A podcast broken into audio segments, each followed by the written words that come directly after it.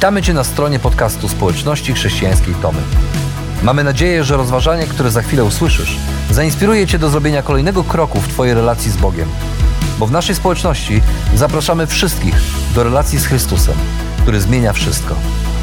Dziękujemy za Twoje zainteresowanie i zapraszamy Cię do polubienia naszego profilu na Facebooku, Instagramie i YouTubie oraz ściągnięcia darmowej aplikacji na smartfona.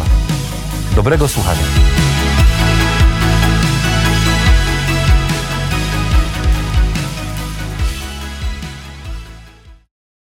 Mówi się, że e, życie to e, sztuka wyboru. Każdego dnia stajemy w obliczu decyzji, które wpływają na kurs naszego e, życia. Niektóre wydają się błahe i takie niewiele znaczące albo niezauważalne. Nie wiem, co będziemy jeść na obiad, jaki serial obejrzymy na Netflixie, czy którą koszulę założymy do pracy. Inne mają większy kaliber. Jaki kierunek studiów wybierzemy? Z kim zwiążemy się na całe życie? E, jak wysoki kredyt weźmiemy na zakup nowego mieszkania? Niezależnie od tego, czy, czy małe, czy, czy duże, to nasze codzienne wybory, decyzje kształtują nasze życie i nie da się od nich uciec, tak jak nie da się uciec od życia. A najtrudniejsze wybory, przed którymi stajemy, to te, które rozgrywają się na poziomie wartości. Niektórzy mówią, że generalnie konflikt, jeżeli dojdzie do konfliktu na poziomie wartości, to jest to konflikt nie, nierozwiązywalny. Po prostu, kiedy coś jest dla nas ważne, to w którymś miejscu musimy po prostu powiedzieć, że nie możemy się z kimś zgodzić. I te konflikty są praktycznie nierozwiązywalne albo bardzo trudno je rozwiązać. Życiem każdego z nas kierują przekonania. I te przekonania są czasem dla nas, czasem świadome, a czasem, czasem zupełnie nieświadome. Żyjemy z pewnym przekonaniem w naszym życiu, ale te przekonania mają właśnie zakorzenienie w sferze wartości. To, co jest dla nas najcenniejsze, ma wpływ na to, co robimy i jak żyjemy.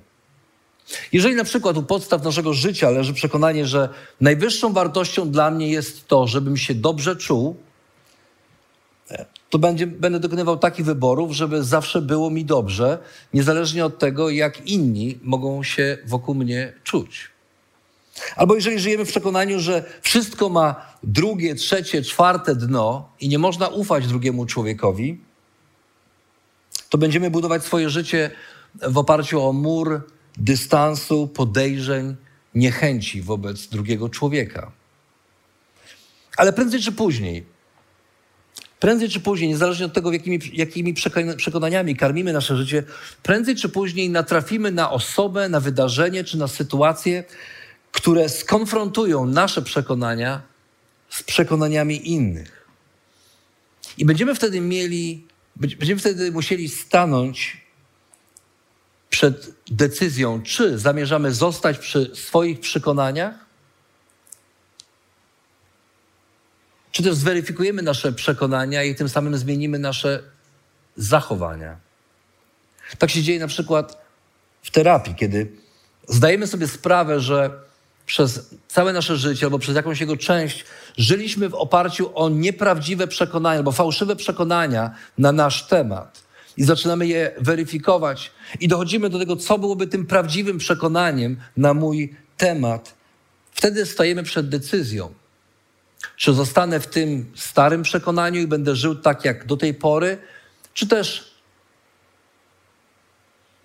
zdecydujemy się zmienić nasze najgłębsze przekonania i i spróbujemy żyć inaczej. Konfrontacja jest zatem wpisana w nasze życie i nie da się od niej uciec, tak jak nie da się uciec od życia. Ona sama w sobie nie jest zła. My nie lubimy często konfrontacji, nie lubimy tego momentu, kiedy trzeba stanąć twarzą w twarz z kimś, kto może ma inne przekonania czy wartości niż my. E, generalnie nie, nie, lubimy, myślę, wielu ludzi, większość ludzi nie lubi konfrontacji, ale konfrontacja sama w sobie nie jest zła. Ona e, prowadzi nas albo do utwierdzenia się w swoich przekonaniach, albo do zmiany naszych przekonań. Bez konfrontacji nie ma zmiany, a bez zmiany nie ma rozwoju. I nic więc dziwnego, że konfrontacja jest też wpisana w naszą relację z Bogiem. Bo wielu z nas dzisiaj tutaj na tej sali, czy przed ekranami komputerów, telewizorów, wielu z nas stanęło w pewnym momencie swojego życia przed decyzją. Zostało skonfrontowanymi z, pewnym, z pewną decyzją, czy Bóg istnieje, czy nie. Jeżeli zdecydowaliśmy, że On nie istnieje, to nasze życie było pochodną tej decyzji. Po prostu żyjemy bez Boga i albo tak, jakby go nie było. Natomiast jeżeli zdecydowaliśmy, że On istnieje, to nasze życie jest pochodną również, przynajmniej powinno być, pochodną tej decyzji i kolejnych decyzji, które z tej pierwszej, podstawowej konfrontacji wynikały. A Bóg jest mistrzem konfrontacji. On wie, kiedy postawić przed nami trudną sytuację, on wie, kiedy zaskoczyć nas, on wie, kiedy, kiedy tak zaaranżować rzeczywistość albo dopuścić jakąś rzeczywistość, żebyśmy musieli stanąć twarz z tym, w co najmocniej wierzymy, i żebyśmy musieli skonfrontować się z tymi przekonaniami na Jego czy na swój temat. Bóg nie pozostawia nas obojętnymi na świat wokół nas, na nasze zachowania, nasze decyzje, nasze wybory. Począwszy od tego, kogo w swoim życiu będziemy słuchać, aż po przemianę naszego życia, której Bóg dokonuje właśnie poprzez nieustanne konfrontowanie nas z tym, co wokół nas i z tym, co w nas. A Jego narzędziem w tym dziele przemiany jest właśnie Duch Święty, który według słów samego Jezusa przekonuje nas o grzechu, sprawiedliwości i sądzie. I tak było też w życiu mieszkańców Efezu, miasta, znaczącego miasta w Azji Mniejszej, jakieś 2000 lat temu, do którego dotarł apostoł Paweł, człowiek, który kiedyś był prześladowcą Kościoła, a stał się naśladowcą Chrystusa i z taką samą gorliwością, jak tępił Kościół, z tą samą gorliwością, jeszcze większą gorliwością szedł i głosił Jezusa, którego wcześniej prześladował całemu światu. I podczas swojej drugiej podróży misyjnej, gdzieś w połowie pierwszego wieku po Chrystusie, dotarł do właśnie miasta Efes, w którym spędził dwa lata. I tam miało miejsce pewne wydarzenia, o których dzisiaj będziemy mówić. Właśnie gdy Apollos, czytamy w 19 rozdziale dziejów apostolskich, gdy Apollos, no, towarzysz, inny współpracownik apostoła Pawła, właśnie gdy Apollos przebywał w Koryncie, Paweł przeszedł obszary wyżynne i przybył do Efezu. Tam spotkał jakichś uczniów i zapytał, czy otrzymaliście Ducha Świętego, gdy uwierzyliście? A oni mu na to, nawet nie słyszeliśmy o tym, że jest Duch Święty. Zapytał więc, w jakim chrzcie zostaliście zanurzeni? Odpowiedzieli, w chrzcie Jana, chrzciciela. Wtedy Paweł wyjaśnił, Jan zanurzał w chrzcie opamiętania i powtarzał ludowi, że ma uwierzyć w tego, który idzie za nim, to jest w Jezusa. Nie wiemy dokładnie, w jaki sposób apostoł Paweł rozpoznał tych dwunastu, jak się potem okazuje, jak w tych dwunastu mężczyznach, bo i było dwunastu, potem o tym czytamy, jak w tych dwunastu mężczyznach rozpoznał jakichś uczniów. Wiemy natomiast, że były to osoby, które kilkanaście lat wcześniej musiały znaleźć się jakoś nad brzegiem Jordanu, co samo w sobie jest o tyle dziwne albo trudne do zrozumienia, że to jest całkiem spora odległość i zupełnie inny krąg kulturowy. Ale ci ludzie musieli znaleźć się pewnego dnia nad brzegiem Jordanu, kiedy odziany w skóry ze zwierząt i żywiący się szarańczą dziwny człowiek nawoływał lud Izraela do opamiętania. I kazał, kazał chrzcić, znaczy nawoływał, żeby chrzcić się e, w Jordanie. Sam chrzest nie był dla Żydów niczym obcym. Problem polegał na tym, że e, Żydzi nie chrzcili samych siebie. Żydzi chrzcili pogan, którzy nie, czyli osoby, które nie były Żydami, i żeby włączyć je do społeczności Izraela, rytualnie, symbolicznie dokonywano chrztu. I dlatego, kiedy Jan Chrzciciel zawołał do Żydów, że mają się ochrzcić z chrztem upamiętania, wielu przywódców religijnych oburzyło się, powiedziało, jak to? Przecież my jesteśmy dziećmi Abrahama, to znaczy my, jako Żydzi, nie musimy przyjmować chrztu.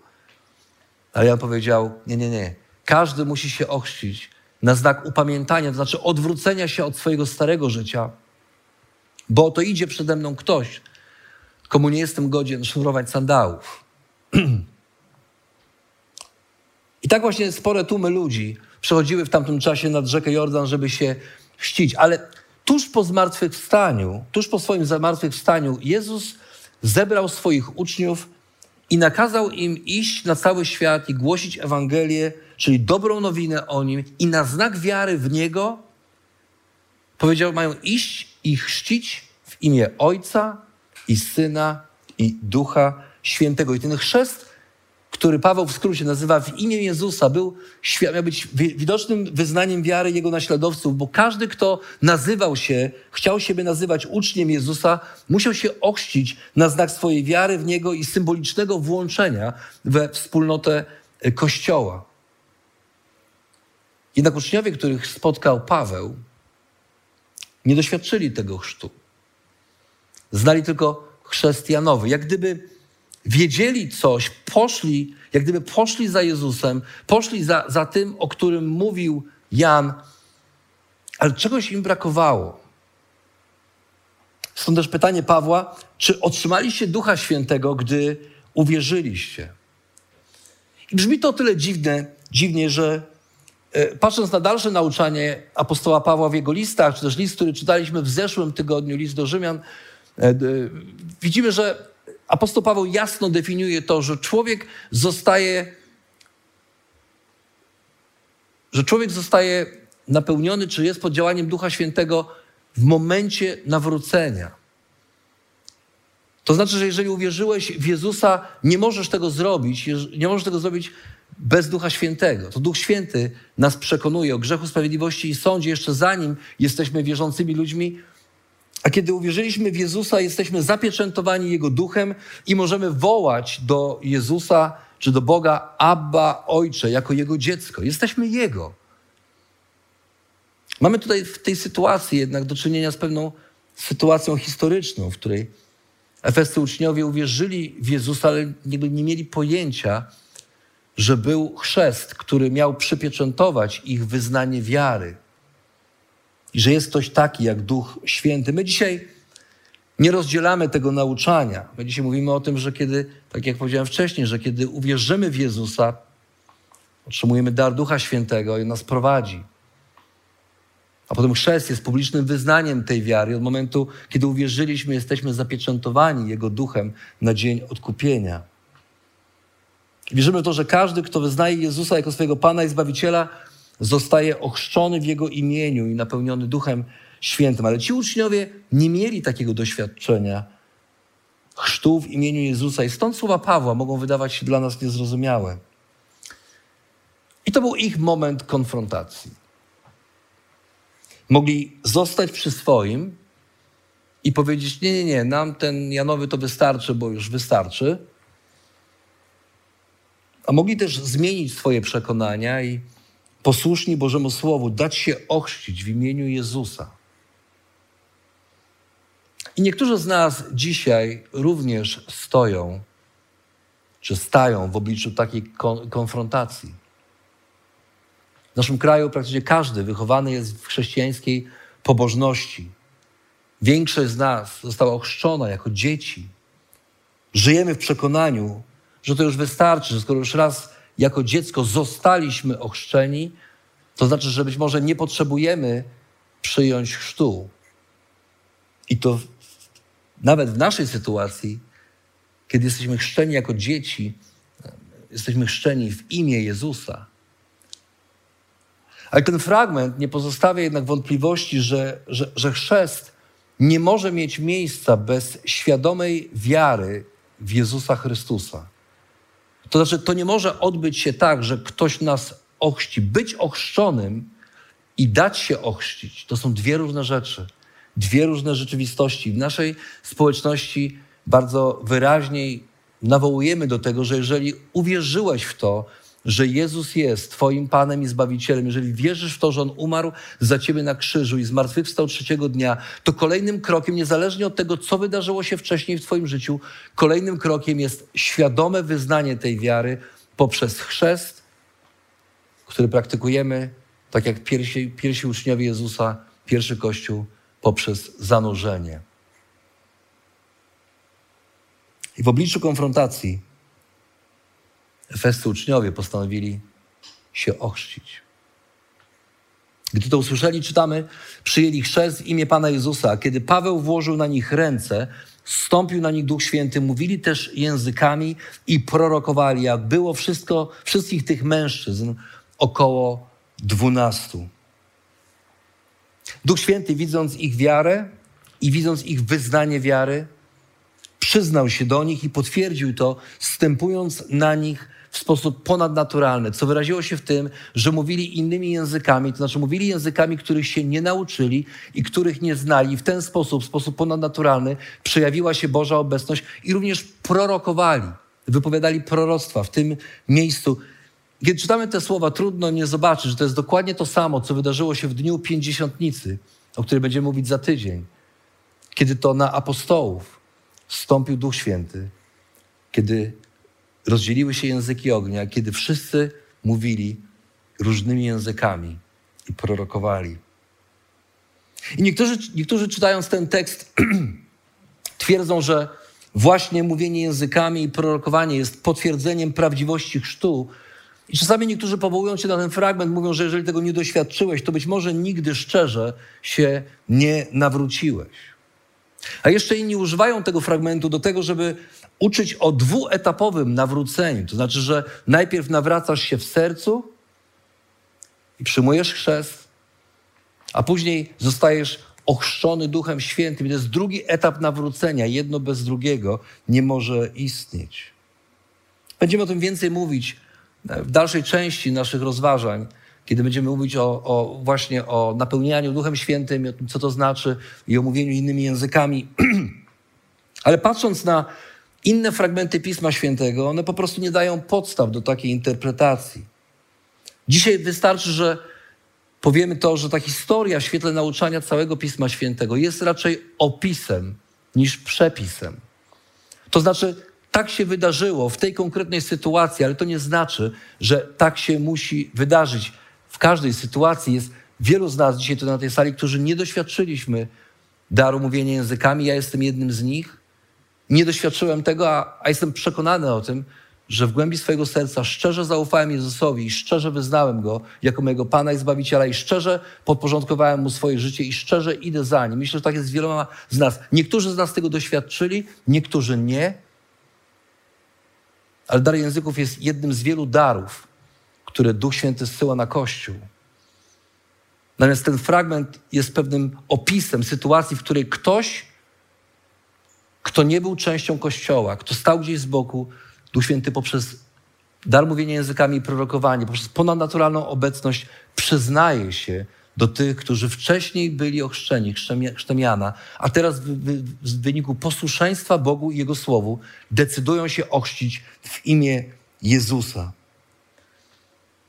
Czasami tak jest, że szukamy Boga w najprzeróżniejszy sposób, a tymczasem Bóg odnajduje nas poprzez swoje słowo i swojego ducha, tak jak tych uczniów. Podobnie było w życiu Łukasza.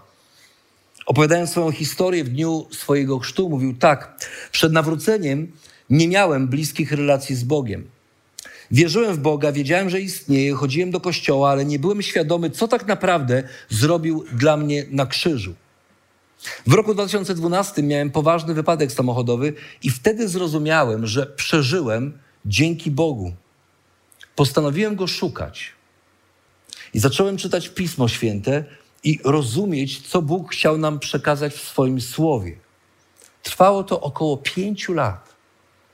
Pięć lat czytania słowa, uczenia się o Bogu, poznawania Bogu, i dopiero po pięciu latach Łukasz mówi: Zacząłem jeździć do różnych kościołów, szukając dobrego biblijnego przekazu.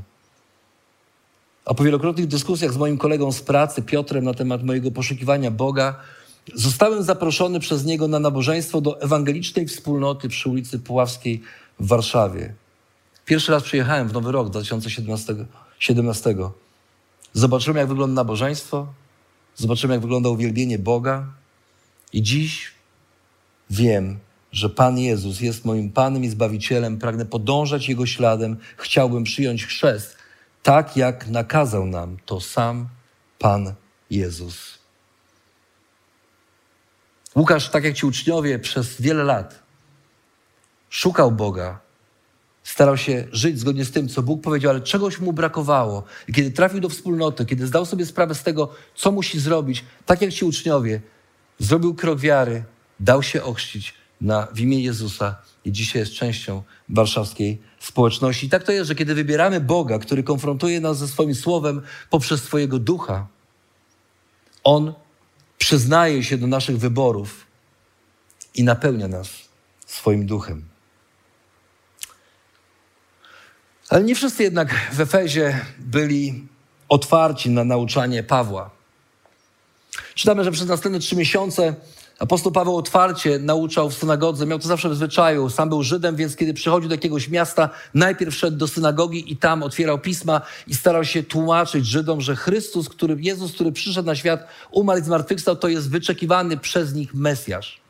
Ale w wielu miastach nie chciano go słuchać, tak było też w tym miejscu. Czytamy, że kiedy niektórzy upierali się przy swoim, odmawiali wiary i wobec tłumów znieważali drogę Pana, odłączył się od nich, oddzielił uczniów i codziennie rozprawiał w szkole Tyranosa. Działo się to przez dwa lata. Także wszyscy mieszkańcy Azji, zarówno Żydzi, jak i Grecy, usłyszeli słowo Pana. I znów konfrontacja z Bożym Słowem pozostawiła niektórych obojętnymi na osobę Jezusa i doprowadziła Pawła do tego, że musiał oddzielić swoich uczniów od tych, którzy zdecydowali się nie wierzyć.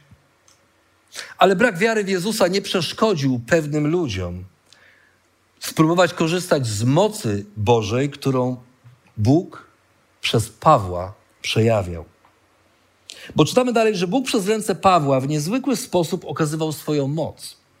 Było nawet tak, że wkładano na chorych chustki lub przepaski, które dotknęły jego ciała, a to wystarczało, aby ustępowały choroby, a złe duchy wychodziły. Niektórzy wędrowni egzorcyści żydowscy również próbowali wzywać imienia Pana Jezusa nad ludźmi opanowanymi przez złe duchy. Mawiali: Zaklinam was przez Jezusa, którego głosi Paweł. Tak czyniło siedmiu synów niejakiego Skewasa, arcykapłana żydowskiego. Jednego razu duch odpowiedział, zły duch odpowiedział: Jezusa znam i wiem, kim jest Paweł, lecz wy kim jesteście? A następnie człowiek, w którym był zły duch, rzucił się na nich, pokonał obu i pobił ich tak, że nadzy i poranieni uciekli z tego domu. Przedziwna historia, ale okazuje się, że ci, którzy chcą używać mocy Bożej w imieniu Jezusa, nie wierząc w Jezusa, nie spotykają się z aprobatą ze strony samego Boga. I czytając tę historię, dwie rzeczy są szczególnie zastanawiające. Po pierwsze, synowie arcykapłana Skewasa byli żydowskimi egzorcystami, to znaczy znali Boga Jahwe, Boga Ojca, którego również my znamy i wyznajemy.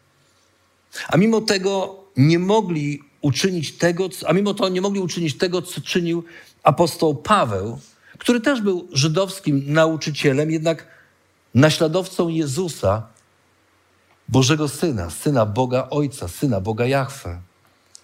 A więc pomimo wspólnych korzeni i pewnych rzeczy, które może mieli wspólne, działali, ci ludzie działali nie tylko ze złej motywacji, ale nie uznając Syna Bożego, działali nie uznając Syna Bożego, a to całkowicie przekreśliło ich wysiłki. To znaczy, że nie można trochę wierzyć w Boga, a trochę w Niego nie wierzyć. Nie można akceptować tylko Boga Ojca, a niekoniecznie Jego Syna. Nie można mówić, tak, tak, Jezus dobrze, ale Bóg, ten Bóg Starego Testamentu to już niekoniecznie. Nie można mówić, ja z Jezusem zawsze i wszędzie, ale ten Duch Święty za dziwny. Nie będziemy się w to zagłębiać. Uczniowie, nie uczniowie, ci egzorcyści żydowscy chcieli tylko część Boga znać i to jeszcze po swojemu. Okazało się, że nie mieli mocy uczynić tego, co Bóg czynił przez Pawła. A przede wszystkim nie chcieli uznać Jezusa, Syna Bożego, jako swojego Pana i Zbawiciela. Po drugie, w tej historii widzimy, że nawet zły duch uznawał Jezusa i jego ucznia, apostoła Pawła, Co przywodzi na myśl słowa y, brata pańskiego, brata Jezusa Jakuba, który w swoim liście napisał do wierzących ludzi: Wierzysz w Boga? Dobrze czynisz. Demony również wierzą i drżą. To znaczy, że sama, Bo sama wiara w Boga nie wystarczy, aby być przez Boga rozpoznanym jako Boży człowiek. Demony mają to samo poznanie, co wielu z nas, którzy mówią: Ja tam wierzę w Boga. To dobrze, że wierzysz, ale mam nadzieję, że to nie zabrzmi zbyt niegrzecznie. Nie chciałbym, żeby to zabrzmiało zbyt niegrzecznie, ale wierzę, że zabrzmi to prawdziwie. Jeżeli po prostu wierzysz w Boga, to nie różnisz się niczym od diabła, od demonów, które również wierzą w Boga. Być może z tą różnicą, że demony wiedzą, kim jest Bóg, kim jest Jezus i drżą i boją się Go. A wielu z nas, którzy mówimy, wierzę w Boga, tak naprawdę niewiele sobie z tego robi tak? I, i, i niekoniecznie żyje zgodnie z tym, czego Bóg, co Bóg mówi. To nie są rzeczy lekkie, tu nie ma, nie ma miejsca na żarty. Albo wierzysz w Boga i w to, co On powiedział, albo w Niego nie wierzysz. I okazuje się, że nie można znowu jakoś tam częściowo w Niego wierzyć. Ale więcej, że nie można po prostu w Niego wierzyć.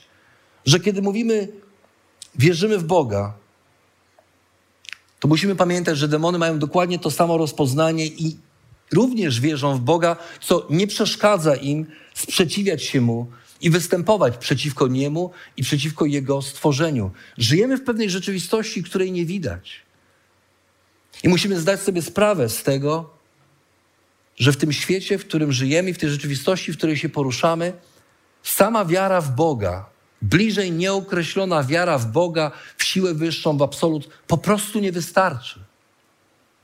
Problem synów Skewasa nie polegał na tym, że oni nie wierzyli w Boga, ale na tym, że odrzucając świadectwo o jego synu, chcieli skorzystać z, je, z mocy jego ducha do swoich celów. I to było ich największe nadużycie. Przypomina mi tę historię, którą Pastor Adam Szumorek opowiedział mi o swojej mamie.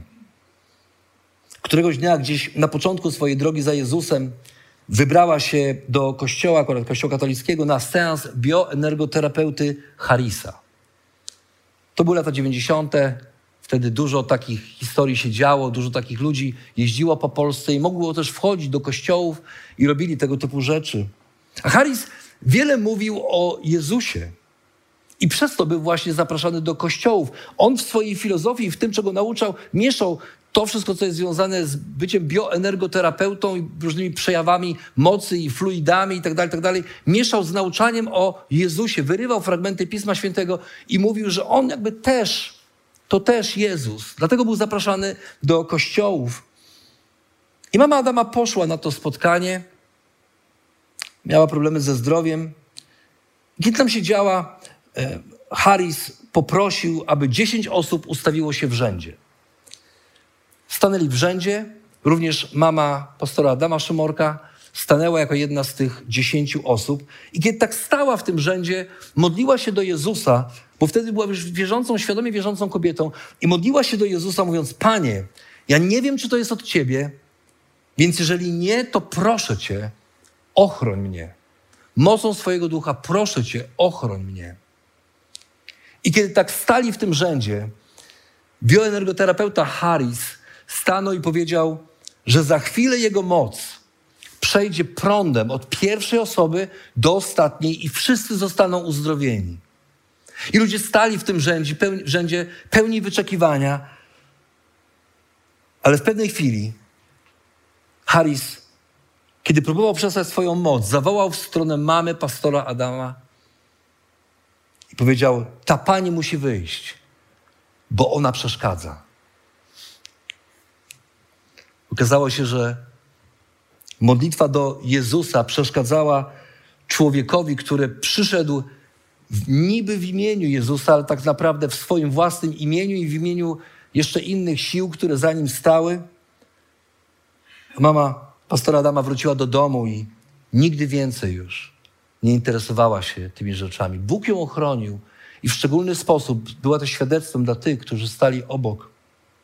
Bo okazuje się, że nie zawsze to, co ludzie czynią w imieniu Jezusa, jest mocą Bożą, której Bóg udziela swoim dzieciom za pośrednictwem swojego ducha. I tak, takich rzeczy dzieje się więcej w naszym świecie. Często ktoś mówi, zostałem, zostałem uzdrowiony w taki czy inny sposób. Przecież to nie, może być, to nie może być nieprawdą, ponieważ coś dobrego wydarzyło się w moim życiu. Ten fragment pokazuje, że nie zawsze i niekoniecznie. Że to, w jakim duchu dzieją się rzeczy, ma ogromne znaczenie. Ci, którzy czynią to dla swojej korzyści, będą musieli spotkać się z poważnymi konsekwencjami.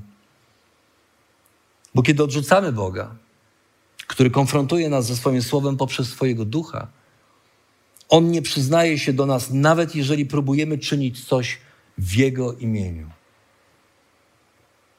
I to jest ostrzeżenie dla wszystkich nas, którzy próbujemy wykorzystywać Boga i Jego święte imię do swoich własnych celów i dla swojej własnej chwały. A dowiedzieli się o tym wszyscy Żydzi i Grecy mieszkający w Efezie. Padł na nich strach i zaczęto wywyższać imię Pana Jezusa. Wielu też tych, którzy uwierzyli, przychodziło, wyznawało i ujawniało swoje praktyki. Pokaźna liczba osób, które zajmowały się magią, poznosiła księgi i publicznie je paliła.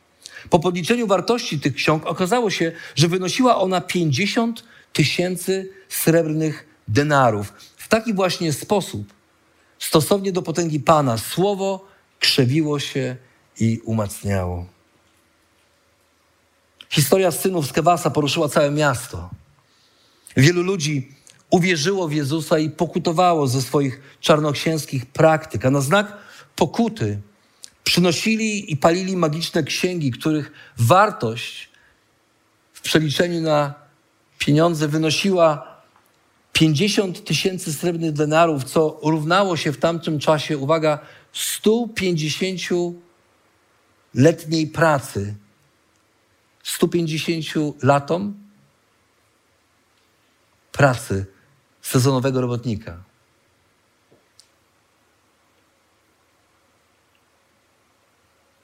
Kiedy Duch Święty przekonuje nas o grzechu, jedyną właściwą postawą jest odwrócenie się od złych praktyk i pogrzebanie za sobą starego życia. I to wcale nie musi być magia albo czary. To nawet nie musi być tak, że to, co robiłeś do tej pory, z pewnego punktu widzenia było tak z gruntu złe i niewłaściwe. Ale odwrócenie się, pójście za Jezusem oznacza odwrócenie się od tego wszystkiego, co wcześniej kiedyś było dla mnie ważne i leżało u podstaw moich zachowań. Jeżeli chcesz za nim pójść, to On przez swojego ducha konfrontuje cię z rzeczami, które w Twoim życiu są, a których nie powinno być. Bo jesteś Jego dzieckiem. I On nie chce, żebyś żył w ten sposób. I On nie chce, żebyś zniewa- był zniewolony w ten sposób. I On nie chce, żebyś myślał w ten sposób o sobie i innych. I On nie chce, żebyś żył w nałogu, zniewoleniu, tak jak kiedyś. On chce Cię uwolnić, dać Ci zupełnie nowe życie, ale żeby to zrobić, żeby to życie przyjąć, trzeba to stare życie zostawić za sobą. I niezależnie od tego, jak długo idzie za Jezusem, każdy z nas doświadcza tej konfrontacji poprzez Boże Słowo i Jego Ducha w naszym życiu. Codziennie. I każdego dnia odkrywamy w swoim życiu, że jest znowu coś, co powinniśmy zostawić i już nigdy więcej do tego nie wracać. Tak było w przypadku Patrycji, kobiety biznesu, w jednym z dużych polskich miast. Amerykanie powiedzieliby o niej successful businesswoman, bo taką była. Osobą, która odniosła sukces od pucybuta do milionera. Szukając pokoju, harmonii w życiu, zaczęła praktykować buddyzm. Miała sesje medytacyjne, przychodził do niej przewodnik duchowy i podczas którejś sesji, była bardzo otwarta na takie duchowe przeżycia i podczas którejś sesji Patrycja mówi, objawił jej się Jezus. Nie Buddha, ale Jezus. I mówi, nie umiała tego do końca wytłumaczyć, ani wyjaśnić. Była przekonana, że to Jezus, to co potrafiła określić, to to, że w tamtym momencie odczuła po prostu miłość. I koniecznie chciała poznać Jezusa. Ale bardzo wzbraniała się przed jakimkolwiek religijnością, przed jakimś, jakimś pójściem na nabożeństwo czy, czy cokolwiek. i nie czytała Biblii, bo uważała, że to jakaś niepotrzebna książka religijna, która jej w niczym nie pomoże. Chodziła na jakieś kursy cudów, na, które, na których okazały się być niezłą maszynką do robienia pieniędzy przez konkretnych naciągaczy. I tak naprawdę te kursy cudów i różne dziwne rzeczy, w których uczestniczyła, zamiast, przy, zamiast przybliżyć ją do Boga, odpychały ją od Niego. A w pewnym momencie ona zdała sobie sprawę, że to jest po prostu niebezpieczne, to co robi. Aż w końcu po roku zaczęła rozmawiać ze swoją wierzącą koleżanką, która zaprowadziła ją do pastora, a on wręczył jej Pismo Święte i powiedział: Masz, czytaj. I ona zaczęła czytać. Dzisiaj ten czas od zobaczenia Jezusa aż do momentu otrzymania Biblii określa jako jedno wielkie miotanie się. I od tego czasu nie ma dnia, żeby nie czytała Biblii. Zostawiła za sobą stare życie, zostawiła za sobą starą duchowość i wszystko to, co kiedyś było dla niej ważne. I każdego dnia poznaje Jezusa. Znam Patrycję i wiem, że to są dwa kroki do przodu, jeden do tyłu. Że wiele jest zmagania w jej życiu i wiele trudów, które musi ponieść. Ale patrzę na nią i widzę, jak krok po kroku Bóg poprzez swojego Ducha Świętego przemienia kobietę, która niegdyś miotała się w dziwnej duchowości, a Bóg spotkał ją nawet tam, w tym dziwnym miejscu i przyprowadził ją do siebie. Bo kiedy wybieramy Boga, który konfrontuje nas ze swoim słowem poprzez swojego ducha, On daje nam moc do tego, aby zerwać ze starym życiem i zacząć na nowo. Mówi się, że życie to sztuka wyboru. I to prawda. A tym, co pomaga nam podejmować właściwe wybory, jest nieustanna konfrontacja z tym, co niesie życie i tym, co Bóg mówi do nas w swoim słowie i tym, co pomaga nam zrozumieć poprzez swojego ducha, który, tak jak mówiliśmy na początku, przekonuje nas o grzechu, o sprawiedliwości i o sądzie. Dlatego kiedy Duch Święty konfrontuje nas z prawdą o Jezusie. Być może robi to teraz.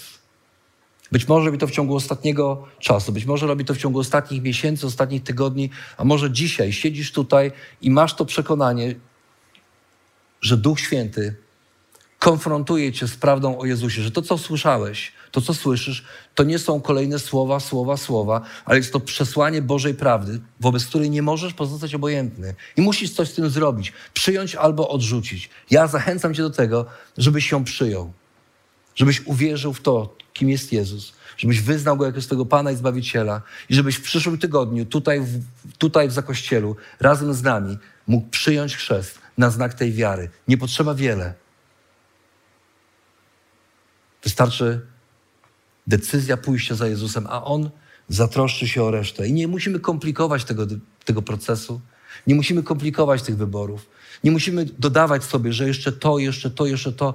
Naprawdę będzie jeszcze wiele takich rzeczy, które będziesz musiał zrozumieć i poznać w następnych latach Twojego chodzenia za Bogiem. Ci z nas, którzy poszli za Jezusem, zostali ochrzczeni i, i żyją dalej z Bogiem, wiemy, że to zmaganie się z Bogiem to jest długoletni proces. Ale Bóg będzie cię uczył jako swoje dziecko, zapieczętowany Duchem Świętym, będziesz mógł żyć z Nim i w mocy Jego zmartwychwstania stawiać czoła rzeczywistości wokół ciebie. Dlatego, kiedy Duch Święty konfrontuje nas z prawdą o Jezusie, wsłuchaj się w Jego głos i pójdź za Nim, poddając się Jego prowadzeniu na drodze do przemiany Twojego życia. A On je zmieni. Nie do poznania.